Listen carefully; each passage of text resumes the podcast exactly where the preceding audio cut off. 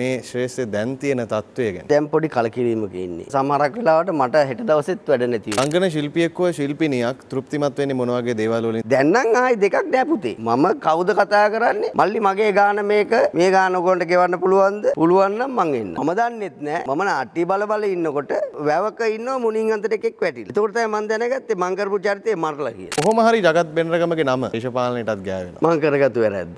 මම ගත්තු දේශපාලනේ නෙමෙයි එතන තිබුණේ.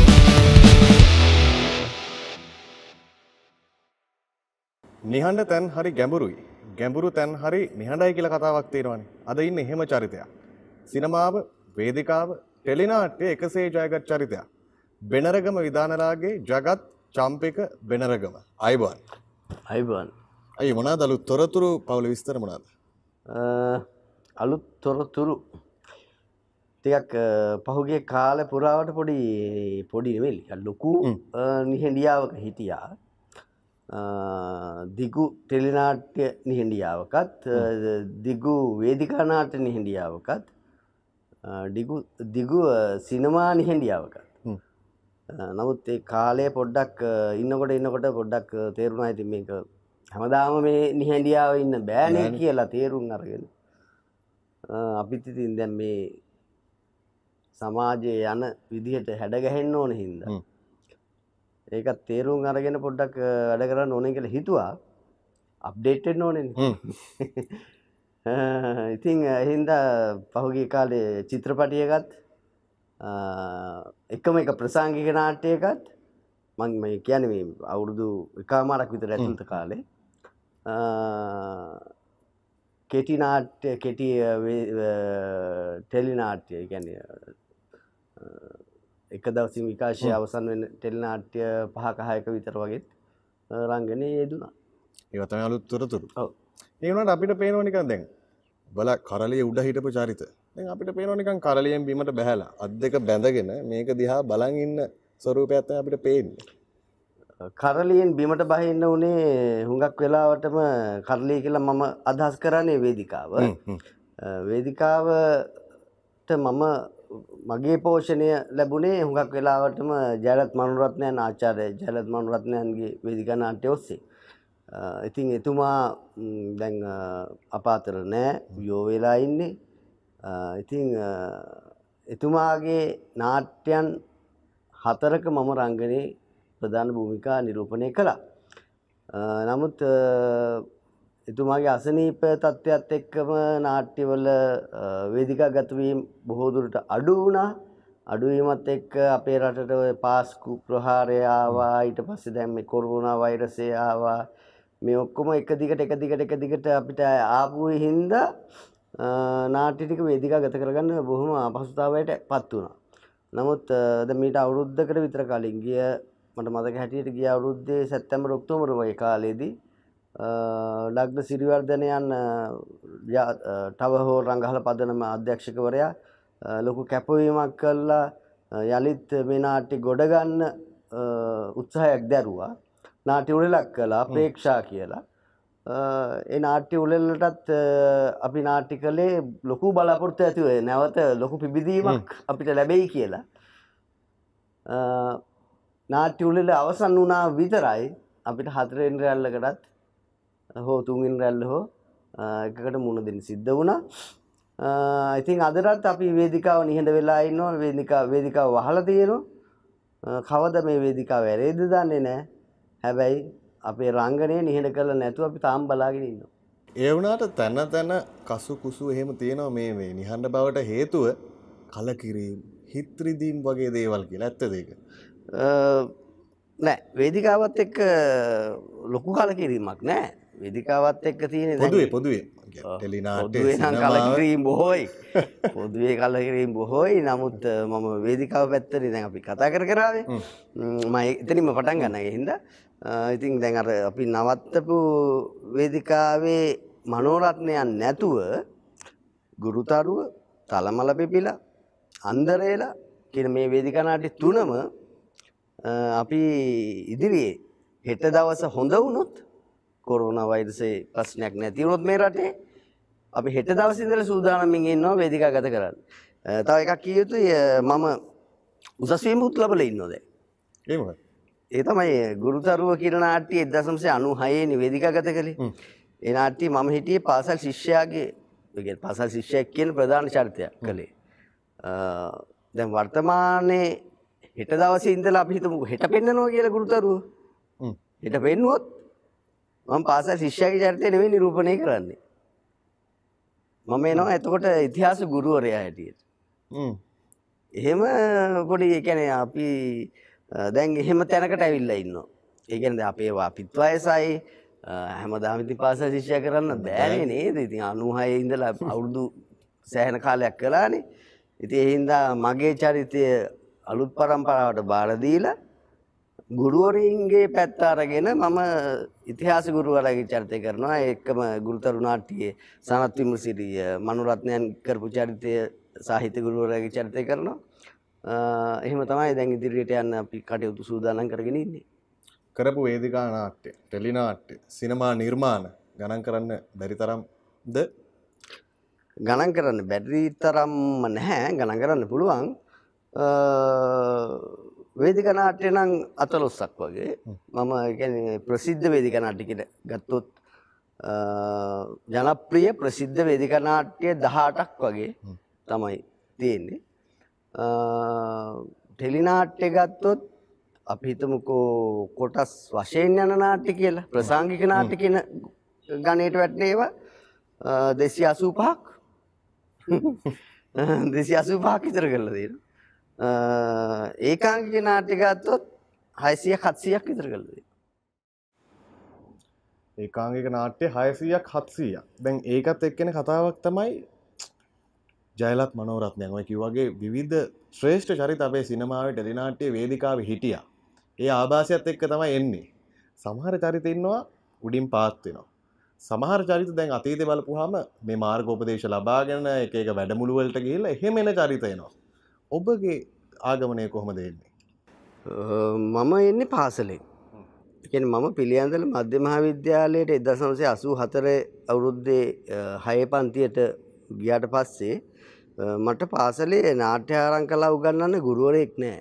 අපේ හිටපු ගුරුවරයා එ වෙනකොට ත්‍රීකුණාමලයට මාරු කරලා යවල. නමුත් මගේ අක්කා මගේ පාසලේ මට වඩාටියක් වැඩි පන්තියක ඉන්නවා. අ, මට මතක හැටියට මම හයට යනකොට අක්ක දහය පන්තිය වගේ. අ, අක්කල එතකොට අර- අර ගුරුවරයාගෙන් පෝෂණය වෙලා ඒගොල්ලො තමයි එතකොට පාසල තුළ නාට්‍ය කරන කට්ටිය. අ, ඉතින් මට අක්කගේ ආරාධනාවක් ලැබුණා එගොල්ලන්ගේ නාට්‍යකට සම්බන්ධ වෙන කෙටි නාට්‍ය වගේක් පාසල තුළ අ, මම ඒවට සම්බන්ධ වුණා. ඒ සම්බන්ධවීම තුළින් එදසම්සේ අසූ හතර අසූපහ අසූහය අසූහත අවුරුදු හතරක් පිට පිට ලංකාවෙන්ම පාඨශාලාන්තර නාට්‍ය තරඟවලින් හොඳම නළුවා කියන සම්මානය දිනා ගැනීමට මට හැකි වුණා. මගේ අක්ක හොඳම නිලිය වෙනවා මං හොඳම නළුව වෙනවා. අවුරුදු හතරක් පිට පිට මේ වාර්තා මං හිතන්නේ අද වෙනකන් කවුරුත් කඩලා නැහැ එකම එකම පවුලක අක්කයි මල්ලි අවුරුදු හතරක් හොඳම නළුවා සහ නිලිය මුළු ලංකාවේ සියලුම පාඨශාලාන්තර නාට්‍ය තරඟවලින් අ, ලබලා තියෙනවා. ඒ රෙකෝඩ් එක මම හිතන්නේ කාටවත් කඩන්න පුළුවන් වෙයි කියලා. රෙකෝඩ් තියලා තමයි මේ චරිතය මේ විදිහට නිර්මාණය වෙලා තියෙන්නේ. දැන් ජගත් බෙනරගම කියන්නේ කවුද කියන අපි කෙටි හැඳින්වීමක් මගින් අඳුනගත්තා. දැන් ශේෂ්ත්‍ර දිහා බලාගෙන ඉන්නවා. ඔබේ නිර්වචනය මොකද්ද මේ ශ්‍රේෂ්ඨ දැන් තියෙන තත්ත්වය ගැන? ශේස්ත්‍රය පිළිබඳ දැම් පොඩි කලකිරීමක ඉන්නේ. මං ඒකයි අර මුලින් පටන් ගන්නකොටත් කිය පොඩි නිහෙඩියාවක පොඩි දිගු නිහෙඩියාවක ඉඳලයි මේ ගමන අපව් අවතීරණ උනේ කියලා අර අප්ඩේට් වෙන්න ඕනේ කියලා කිව්වේ. නිකන් නැත්තම් අපි කට්ටිය ගොඩක් අය හිතනවා මේ අපි අප්ඩේට් වෙන්නේ නැහැ අපි මේ පරණ ඒවාම එලිලා ඉන්නවා මෙහෙම කියලා නෑ. එහෙම එකක් නෑ. අ, අපි අප්ඩේට් වෙන හොඳට. අ, නමුත් නිර්මාණ තමයි අප්ඩේට් වෙන්නේ නැත්තේ. දැන් අ, ඔකට හොඳම උදාහරණ තමයි මේ මෑත කාලීනව අ, මම රංගනය යෙදෙන්න ගත්තු අ, වෙනත් අ, නාලිකාවක විකාශය වෙන නාට්‍යයක් අ, ඒ නාට්‍ය කොටස් තිස්සටක් විතර විකාශය වුණට පස්සේ තමයි ඒ නාටියට මම සම්බන්ධ වෙන්නේ. ඉති එතොට සමහට ප්‍රේක්ෂකයන්ට ප්‍රසයක් වෙන්න පුළුව මෙයා හිටිය නෑ කලින් ඇයි දැන්වේ අලුතෙන් අ, ආව කියන. නමුත් අ, ඒ චරිතය තුළ මම බලන්නේ මට කළ හැකි දෙයක් තියෙනවද නැද්ද කියනෙක විතරයි.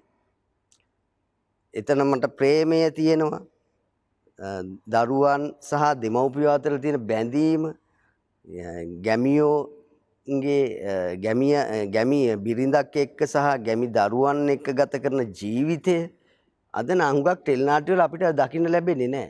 මං බොහොම ආසාාවෙන් ඉතාමත් හැඟූම් බරව රඟපාන චරිතයක් ඒක. මොකද මං විශේෂෙන් ඒ නාට්‍ය අධ්‍යක්ෂකවරයාට මම ස්තුති කරනවා මම නම කියන්න මේ අවස්ථාවේ නමුත් ඒ අධ්‍යක්ෂකවරයා එතුමාටම ස්තුති කරනවා මම කාලෙකට පස්සේ තරුණ අධ්‍යක්ෂකවරයෙක්ගෙන් දැකපු බොහෝම ලයාන්විත රිද්මයක් එතුමාගෙන් දැක්ක මොකද මම රූගත කිරීමට ගිහාම මට ඉස්සෙල්ලාම ඇහෙන්නේ මගේ පසුබිම් සංගීතේ. සාමාන්‍යයෙන් මදුක අපිට ටෙලිනාට්‍යයකට ගිහිල්ලා පසුබිම් සංගීතයක් දෙන්නේ නෑ රඟපාන්න. අපි රඟපාලා ඉවර වෙලා ගියාට පස්සේ සංස්කරණ මැදිරියක් තුළ මේවා සංස්කරණය වෙලා ඊට පසුව තමයි මේකට මේ සංගීතය කියන එක මුසුවෙන්. නමුත් මෙටෙලිනාට්‍යයේ සංගීතය සජීවීව මුසු වෙනවා. ඒ ගැන රංගන ශිල්පියාට එවලේම තමන්ගේ හැඟීම් ප්‍රකාශය කිරීමට මෙන්න ඔයාගේ සංගීතය මෙන්න ඔයාගේ පසුබිමින් එන සංගීතය පෙන්නනවා. දැනෙනවා ඇහෙනවා. එතකොට මට රංගපාන්න හරිම පහසුයි. මං හිතනවා ඒ අත්දැකීම මම වින්දේ මගේ ජීවිතේ පළවෙනි වතාවට මේ අවුරුදු දැන් 35ක් විතර එනවා ටෙලිනාට් ශාස්ත්‍රයට ඇවිල්ලා. ඉතින් මම හිතන්නේ අලුත් කොල්ලෝ දැන් අලුත් විදිහට හිතනවා. ඉතින් අධ්‍යක්ෂකවරු කොල්ලෝ ඉතින් අපි එතන ඉන්න හින්දා මේ තරුණ પરම්පරාව දුර්වල නැහැ. දැන් උත්තර දෙනවා. ඒ වුණාට ඔය හිතේ තියන් ඉන්න ඇත්ත කලකිරීමට හේතුව එළියට කියන්නේ තියෙන ප්‍රශ්නේ. ඇත්ත කලකිරීමට හේතුව මදුක කිව්වොත් සමහරක් වෙලාවට මට හෙට දවසෙත් වැඩ නැති වෙයි.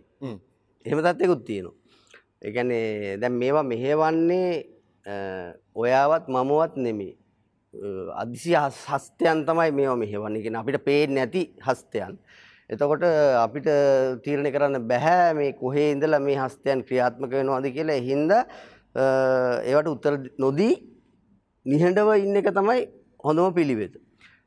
නමුත් ඔයාට කියපු කාරණාවත් එක ගත්තහම අපිට සමහරක් වෙලාවට මම සාමානයද මමත් අධ්‍යක්ෂකවරයෙක් හැටියට කටයුතු කරලා තියෙනවා කටයුතු කරමින් ඉන්නවා එතකොට මම මුණ දීලා තියෙන තත්ත්වයක් එක ගත්තාම නිකන් හිතන්නකෝ මම සාමාන්‍ය නාට්‍යයකට චරිතයක් ලියලා මම පිටපත් රචකයෙක් හැටියටත් කටයුතු කරලා තියෙනවා එතකොට මම චරිතයක් ලියනවා නම් මම සාමාන්‍ය තුන් දෙනෙක් විතර නම් කරනවා හරිද? එතකොට ඒ තුන් දෙනා අනිවාර්යෙන් ඒ චරිතය කළ යුතුයි. ඒ තුන් දෙනාගේ එක්කෙනෙක්. එක්කෙනෙක් කළ යුතුයි. එතකොට ඒ තුන් දෙනාට බැරිම නම් විතරයි අපිට හතරවෙනි අවස්ථාවකට යන්න පුළුවන්.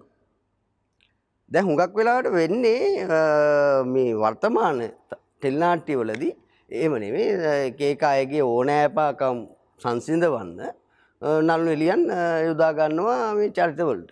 එතකොට ඒකාකාරී නළු එලියන් පිරිසක් බිහි වෙනවා. සමහරක් වෙලාවට දැන් මම දකිනෝකේ ගිරව් වගේ නළු ඒ කියන්නේ දෙබස් ටික කියවන්න පුළුවන් නම් කටපාඩම් කළා ප්‍රශ්නයක් නැහැ. අපිට වැඩේ ගොඩ දාගන්න පුළුවන් කියන මට්ටමේ තමයි හුඟක් වෙලාවට ඉන්නේ. නමුත් මම වැඩ කරලා තියෙන අධ්‍යක්ෂකවරු ගත්තොත් නිකන් හිතන්නකෝ මේ නම් ටික අහලා හරිද? ධර්මසේන පතිරාජ, බර්ට්‍රම් නිහාල්ලා, නාලන් මෙන්ඩිස්ලා, ක්‍රිස්ටි ෂෙල්ටන් ෆර්නෑන්ඩුලා, ජයලත් මනෝරත්නලා හරිද මම මේ ටික දෙන පස් දෙනෙක් කිව්වේ. එතකොට ඒ වගේ පිරිසත් එක්ක වැඩ කරපු මට පොඩි ගැටලුවක් තියෙනවා වර්තමානයේ අධ්‍යක්ෂකවරු එච්චර පරිචයක් ලබලා තියනවාද කියලා. ඒ කියන්නේ චරිතයක් මෙහෙවන්න ගියාම බොහෝ වෙලාවට මේ දැන් මම හුඟක් වෙලාවට නිහඬයි අධ්‍යක්ෂකවරයාගේ කාර්යභාරය. එතකොට ඒ අධ්‍යක්ෂකවරයාට මාව මෙහෙවන්න මම මැටිපිඩක් වගේ ඉන්නවා. හැබැයි මේ මැටිපිඩ එයා විසින් එක ප්‍රතිනිර්මාණය කෙරෙන්නේ නෑ නෑ නෑ වගේ දැනෙනවා නම් පමණක් බොහෝම ලායන්විතෝ ගිහිල්ල මල්ලි හරි අයියේ හරි කියලා මෙහෙම කල්ල බල මුද්ද කියලා පොඩිය මගේ අදහසකුත් දෙනවා. එතකොට සමහරක් වෙලාවට ඒකට ඕකේ එකක් ආවොත් අන්න නිර්මාණයක් ගොඩ නැගෙන්න්න පුළුවන්. රංගන ශිල්පියෙක්ව ශිල්පිනියක් තෘප්තිමත් වෙන්නේ මොන වගේ දේවල් වලින්ද නිර්මාණයකට දායක වුණා?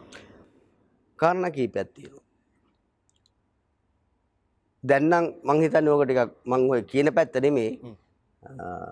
දැන් මමත් ඒක පොඩ්ඩක් බලනවා. ඒ මුදල්. හරි දැන්නම් ආයි දෙකක් නෑ පුතේ. මම කවුරු කවුද කතා කරන්නේ? මල්ලි මගේ ගාන මේක මේ ගාන ඔයගොල්ලන්ට ගෙවන්න පුළුවන්ද? පුළුවන් නම් මං එන්නම්. එක එක. එක එක වෙලා දැන්. හැබැයි ඉස්සර මම එහෙම නෙමෙයි. ඉස්සර මම මම බලන්නේ මල්ලි කවුරු කතා කරාම අයියේ මල්ලි සර් හරි ඔය තුන් විදිහටම කියලා බලමුකෝ අපි. ඔය කවුරු හරි කෙනෙක් මට ආරාධනාවක් කරාම යම් කිසි නිර්මාණයකදී මම මට එනවා පිටපත. ලැබෙනවා පිටපත. ඒ පිටපත ලැබුණාම මම පිටපත කියවනවා. පිටපත කියවුවහම මට මැවෙනවා චරිතයක්. එතකොට මං එයත් එක්ක කතා කරනවා. ඒ අධ්‍යක්ෂකවරයාත් එක්ක මම මේ චරිතය ගැන අවබෝධයක් ලබා ගන්නවා. මගේ අදහස මේක. එයාගේ අදහස මේක. මේ ඊට පස්සේ මම මට මාත් එක්ක පොදුවේ වැඩ කරන අනික් රංගන ශිල්පීන් හම්බුනහම ඒ ඇත් එක්ක කතා කරන සුහදව ඔයාගේ කොහොමද චරිතය මේ ගොඩ නැගෙන්නේ? මගේක මම මේ වගේ තමයි මේ ගොඩ නැගෙන්නේ. එතකොට අපි මේ වගේ එකක් ප්ලේ කරගමු නේද කියලා? එහෙම එහෙම. දැන් එහෙම ඒවා නෑනේ. දැන් පිටපතක්වත් අපිට නෑනේ. පිටපතත් ඒවන්නේ ෆෝන් එකටනේ. අවංකව මේ මගේ ෆෝන් එකේ තියෙනවා දැන් පිටපත් කීපයක්. WhatsApp හරහා එවපු.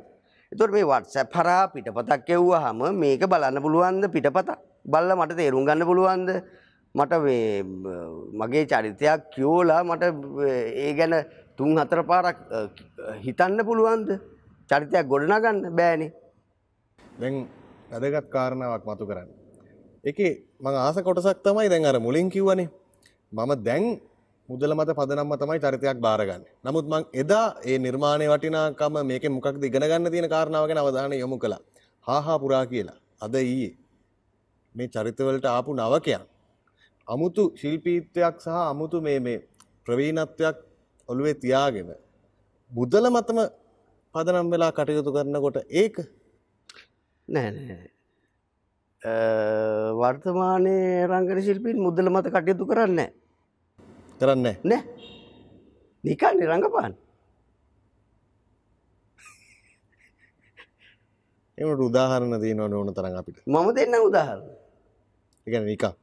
ඔහු ඒකුලට ලැබෙනවා වෙන වර ප්‍රසාද මොන හුඟක් කෝටි ප්‍රකෝටි ගණන් වඩ ප්‍රසාද ලැබෙනවා ඒගැනද හුඟක් අපිතමකෝ එක එක වැඩසටහන් ඔස්සේ එනවා රංගන ශිල්පීන් හැටියට පත්වෙන සමහරක් දැන් එන පත්වෙන ගොඩක් අය ඔයාගේ භූමිකාවත් කරනවා. නර්තන භූමිකාවත් කරනවා. රංගන භූමිකාවත් කරනවා. වෙළඳ දැන්දීන් භූමිකාවත් කරනවා. තොට මෝස්තර නිරූපණ භූමිකාවත් කරනවා. හොඳ නැද්ද? හොඳයි.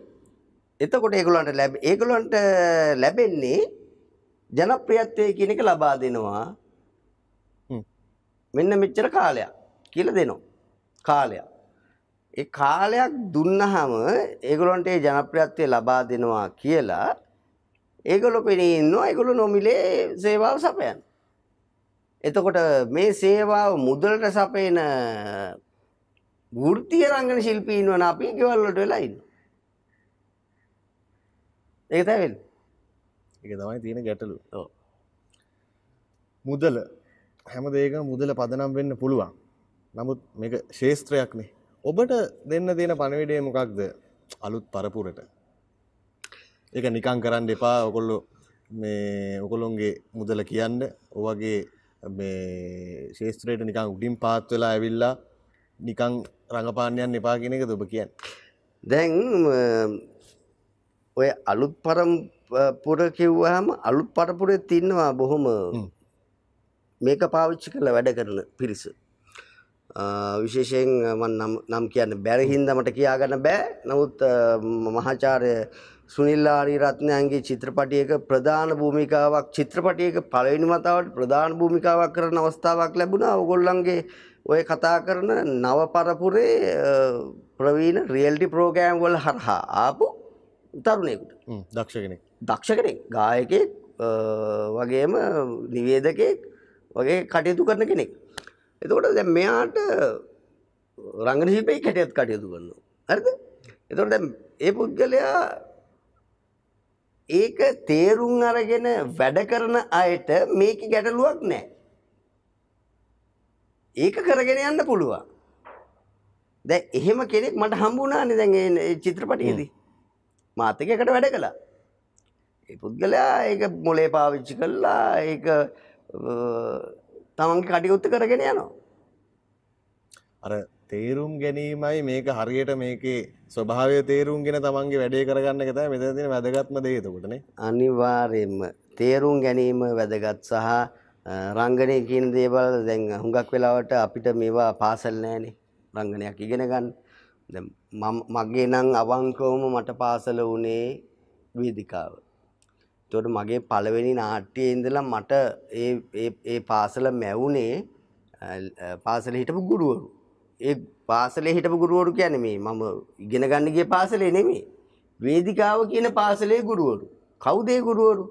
නිකන් ගන්නකො නම් ටික ග- ගත්තොත්. ජයලත් මනුරත්නලා එච්.ඒ. පෙරලලා වසන්ත විට්ටච්චිලා සම්පත් එන්නකෝන්ලා රත්නා ලාල්නීලා ජන ප්‍රේමලාල්ලා ගාමිණී හෙට්ටිආරච්චිලා නම් මතකත් නැහැ ජයලා රෝහන්ලා දැන් මෙහෙම කණ්ඩායමක් අ, ගණනාවක් එක්ක තමයි මම වැඩ කරන්නේ. හරිද? සුමින්ද සිරිසේනලා එතකොට දැන් මේ මේ තව තව ගොඩාක් ඉන්නවා. මම මේ යන නාට්‍යවලදී මට මේගොල්ලෝ ගුරුවරු ඇත්තට. ඒ අයගෙන් තමයි මම ආభాෂය ගත්තේ. ඉතින් ඒ ආభాෂය අරගෙන මම මගේ ගමන ගොඩනගාගෙන මන් දන්නේ නැහැ ඉතින් මම කොච්චර සාර්ථක වෙලා තියෙනවද කියලා. ඒක ප්‍රේක්ෂකයෝ තීරණය කරන්නේ. අ, මං හිතනවා හැබැයි මම නිර්ලෝභීව අදටත් මට මාත් එක්ක ආදුනිකයෙක් කවුරු හරි මාත් එක්ක රංගනයේ යෙදෙනවා නම් ප්‍රවීණ කෙනෙක් යෙදුනොත් මෙහෙම වුණොත් හොඳ නැද්ද? මෙහෙම කළොත් හොඳ නැද්ද කියලා මගේ සමහරක් වෙලාවට අපි කතා කරලා බලනවා. හැබැයි මම ඊට පස්සේ බලනවා එයාගෙන් මට ලැබෙන ප්‍රතිචාරය මොකක්ද කියලා. හ්ම්. ඒකට යාගේ කැමැත්තක් තියෙනවද?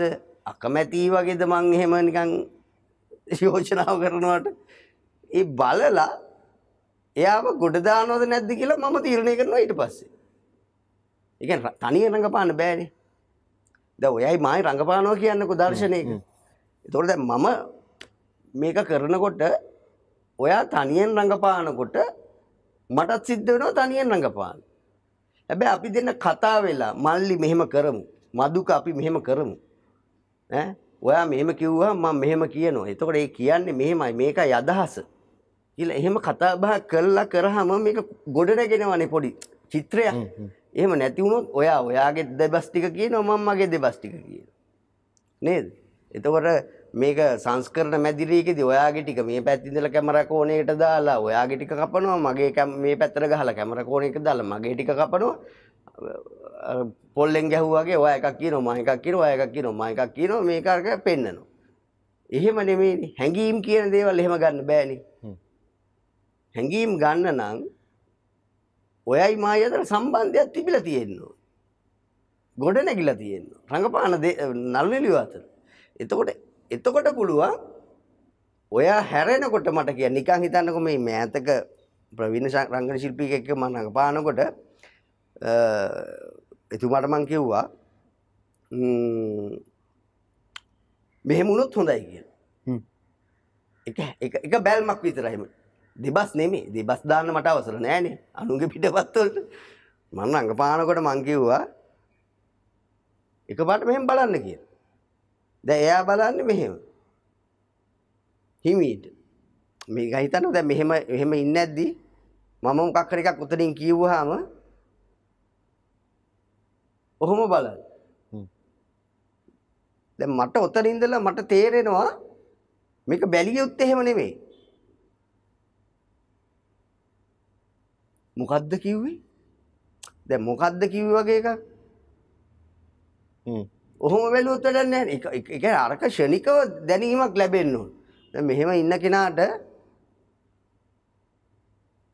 මෙහෙම බැලිය යුතු එකක් හිමීට බැලුවොත් ඒක හැඟීම දැනෙන දැනෙන්නේ අන්න ඒ වගේ මං කියන්නේ මේ ඒවා වර්ක්ෂොප්පොල දිනත් දැවයි ගෙන ගන්න පුළුවන් බොහොම ආධුනික අපේ රංගන ශිල්පීන්ට ශිල්පිනියන්. ඉති ඒ ඒවා අපි ඉගෙන ගත්තේ අපිට ඒ ප්‍රවීණයන්ගෙන් ලැබිච්ච ආభాෂය. මම නම් නිර්ලෝබීව මහත් එක වැඩ කරන සීලුම ශිල්පීන්ට මගේ අ, මම දන්න දෙයක් තියෙන වන මන් දන්න දෙයක් තියෙන වනම් මං එක මුදාහරිනවා ඒකට මුදලාකාය කරන්න මම වර්ක්ෂොප් තියන්න සල්ලිවලට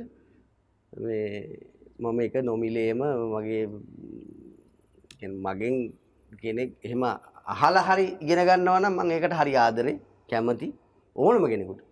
මං ගැන මාත්‍ය එක රඟපාන්න ආවොත් කාටහරි අවස්ථාවක් අහන්න ඕන වෙලාවක ඇහුව නැත්තත් කමක් නෑ ඉතින් අ, කරගෙන යන්න. ජගත් වෙනරගම කියන චරිතේ රංගනය ගැන අපිටවත් කාටවත් විවාදයක් නෑ. නවකයන්ට පවා එක අවස්ථාවක් විදිට තමයි එක චාන්ස එකක් විදිට මේ වගේ චරිතෙක් රඟපාන ලැබෙන චාන්ස එකක් විදිට තමයි දකින්න වෙන ඊලං කාරණාව.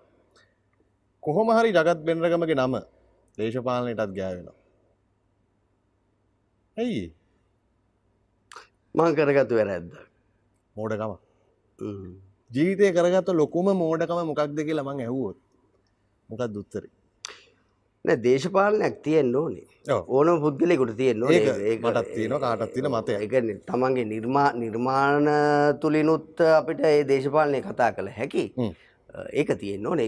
එක එක නැහැ කියන්නේ. නමුත් අර මම ටිකක් අ, චුට්ටක් ඉස්සර වුණා කියලා මට හිතෙනවා. ඉක්මං වුණා කියලා. ඉක්මං වීමකුත් නෙමෙයි. නමුත් හැබැයි මෙහෙම එකකුත් තියෙනවා මදුක.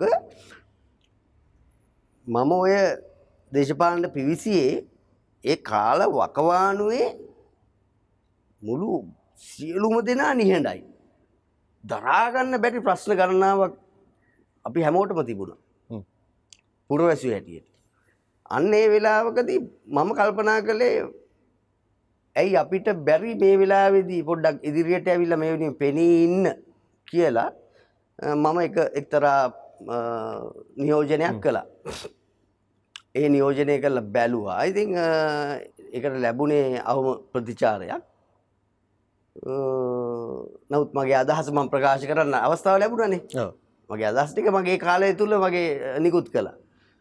ඉතින් මම ඒ හින්දා සතුටකුත් තියෙනවා. නමුත් මම දැන් අදට අ, දේශපාලනයත් එක්ක කතා කරාම අ, මම ඉන්නේ කලකිරීමක. ඉතින් ඒ හින්දා මේ මං එතනත් ඒ තැනත් ගත්තු එක ගැන අදටත් දුක් වෙනවා. දැන් ඒ හින්දා මොකද මම ගත්තු දේශපාලනේ නෙමෙයි එතන තිබුණේ.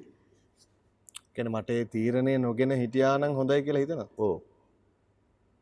අවංකව. එතකොට මේ දේශපාලන හින්දා නිර්මාණ වලට මොන හරි බලපෑම් එහෙම සිද්ධ වෙලා තියෙනවා. අම්මෝ කොච්චර වුණාද දෙයි ආමුදුරුවනේ පණ පිටින් මාව මැරුවනේ ඒ කියන්නේ දේශපාලනය කරා කියලා මේ ශේත්‍රය කප්පාදු බව කරන්න පුළුවන්. කළා කළා. කළා මොනවද කළේ? මං එක්තරා නාලිකාවකක මම ප්‍රධාන භූමිකාව නිරූපණය කරනවා. හ්ම්. හරිද? යන නා- නාට්‍යයක් නේ. එක්- එක්- එක්- එක්- එක්තරා එකක කියලා කියන්නකො. තරා එකක එක නාට්‍යයක. මම දන්නෙත් නෑ. මම නාට්‍ය බල බල ඉන්නකොට මම කොටුකොටු ෂර්ට්ටයක් සාමාන්‍ය ඒ නාට්‍ය පුරාට මං ඇඳේ කොටුකොටු කමිස. කොටුකොටු කමිසයක් දාලා වැවක ඉන්නවා මුණින් අතට එකෙක් වැටිලා එතකොට තමයි මං දැනගත්තේ මං කරපු චරිතය මරලා කියලා. ඒ කියන්නේ රිටර්න් එක එන්නේ නාට්‍යයක කොටසක්ම හරහා. එහෙම. එහෙම ඒ එකක්. එහෙම ඊට පස්සේ අ, දැන් නිෂ්පාදකවරු මාව නාට්‍යකට සම්බන්ධ කරගන්න සමහරක් වෙලාවට දේශපාලනයක් ගැන හිතලා නෙමෙයිනේ මේ මෙයාට කියලා මේ චරිතය කරගන්න ඕනේ. මෙයා දක්ෂයෙක් හරි මොකක් හරි කියලා හිතලා මාව ගන්නවා කියනකො මට ලොකු මුදලක් ගෙවලා ගන්නවනේ එතකොට ඒ පුද්ගලයා මාව ඒ චරිතයට ගත්තහම ඒ පුද්ගලයාට හානියක් වෙනවන ඒ පුද්ගලයා ටෙලිනාට්ටි ඊට පස්සේ අරගෙන යනවා නාලිකාවකට විකුණන්න. බලලා කියනවා ඇයි මෙයාව ගත්තේ? මෙයා ඉන්න නාට්‍ය අපි ගන්නෑ. එතකොට මුළු නාට්‍යයම එහෙම රිජෙක්ට් කරපු අවස්ථා තියෙනවා තුනක්. එතකොට අර නිෂ්පාදකවරයා කතා කරනවා අන්න බලපං උඹලා මෙහෙම කරපු හින්දා මට දැන් මේක විකුණ ගන්න විදියකුත් නැහැ එතකොට මට කනගාටුවක් ඇතියෙනවා මේකද මේ රටේ දේශපාලන? මේකද මං කොරගත්තේ. ජගත් බෙනරගමත් එක්ක පොතක් කියෝ වගේ හැඟීමක් තමයි මට දැනේ. උනාද ඉදිරි බලාපොරොත්තු අපේක්ෂාවන් ඉදිරි බලාපොරොත්තු කියලා ලොකු එකක් නැහැ. නමුත් මම රඟපාපු චිත්‍රපටි තියනවා දැන් පහක් විතර. පෝලිමි. ඔගලකුවන නිහඬයි දැක්කනෑ කාලෙකින් කියලා. ඒ නිහඬිතාවේ බිඳින්ට චිත්‍රපටි පහක් තියෙනවා කොරෝනායවරනුත් පෙන්න්නනවා පා කොරෝනා යුරුණුත් පෙන්න්නනවා ආචාරය සුනිල්ලාරි රත්නයන්ගේ අලුත්ම චිත්‍රපටිය ශීරසාගරය කැලමින කිනි චිත්‍රපටිය රූගත කිරීම පහුගේ කාල අපි සිද්ධ කළ. ඒක ප්‍රධාන භූමිකාවක් මනඟපානෝ එතුමාගේ චිත්‍රපටි රඟපාන දෙවිනි අවස්ථාව මීට කලින් මන් සුදු සෙවන චිත්‍රපටි රඟපෑව. ඊට වඩාත් ප්‍රබල චරිතයක් මේක මං රඟපානෝ ඉතින් ප්‍රේක්ෂකව බලාගෙන ඉදී මංහිතන ලොකු වෙනසක් එක තියෙන ලොක වෙනස් කතන්දරයක් ඉදිරිත් බලාග හම්බේ ඒකම නිශාන්ත අල්විස් මහත්මයා අද ජීවතුන් අතර නෑ. එතුමාගේ චිත්‍රපටි දෙකක් පෙන්නන්න දයනවා එකක් ඒ දෙකම ටිකක් වාණ්ජ සිනමා නිර්මාණ. එකක්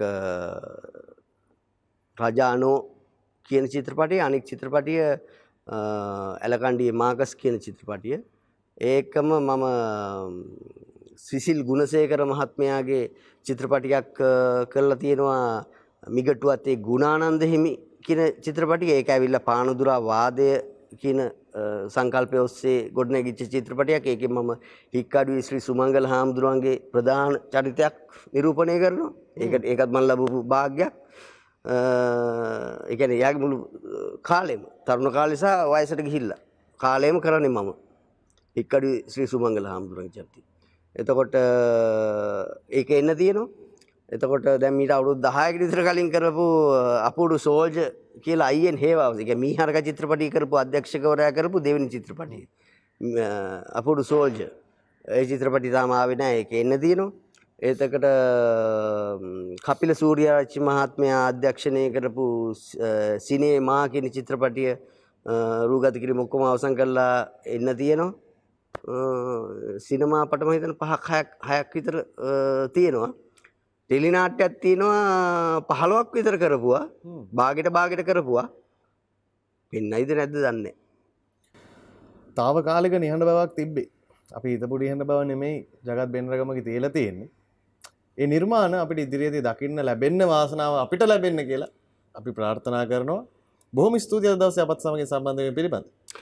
බොහොම ස්තුතියි මදුක ඇත්තටම මට මේ ආරාධනාව කිරීම ගැන අ, ඔගොල්ලන්ගේ ආයතනයටත් මේ කරගෙන යන සත්කාරයටත් අ, මට විශේෂයෙන් මට ආරාධනා කිරීම මං වගේ ටිකක් අමතක වෙලා යන කලාකරුවෙක්ට ආරාධනය කිරීම ගැන අ, මම ඇත්තටම ස්තුතිවන්ත වෙනවා ඔයගොල්ලන්ගේ ආයතනයට අ, ස්තුතියි මට අවස්ථාව දුන්න ඔබට බොහොම ස්තුතියි. ආයුබෝවන්.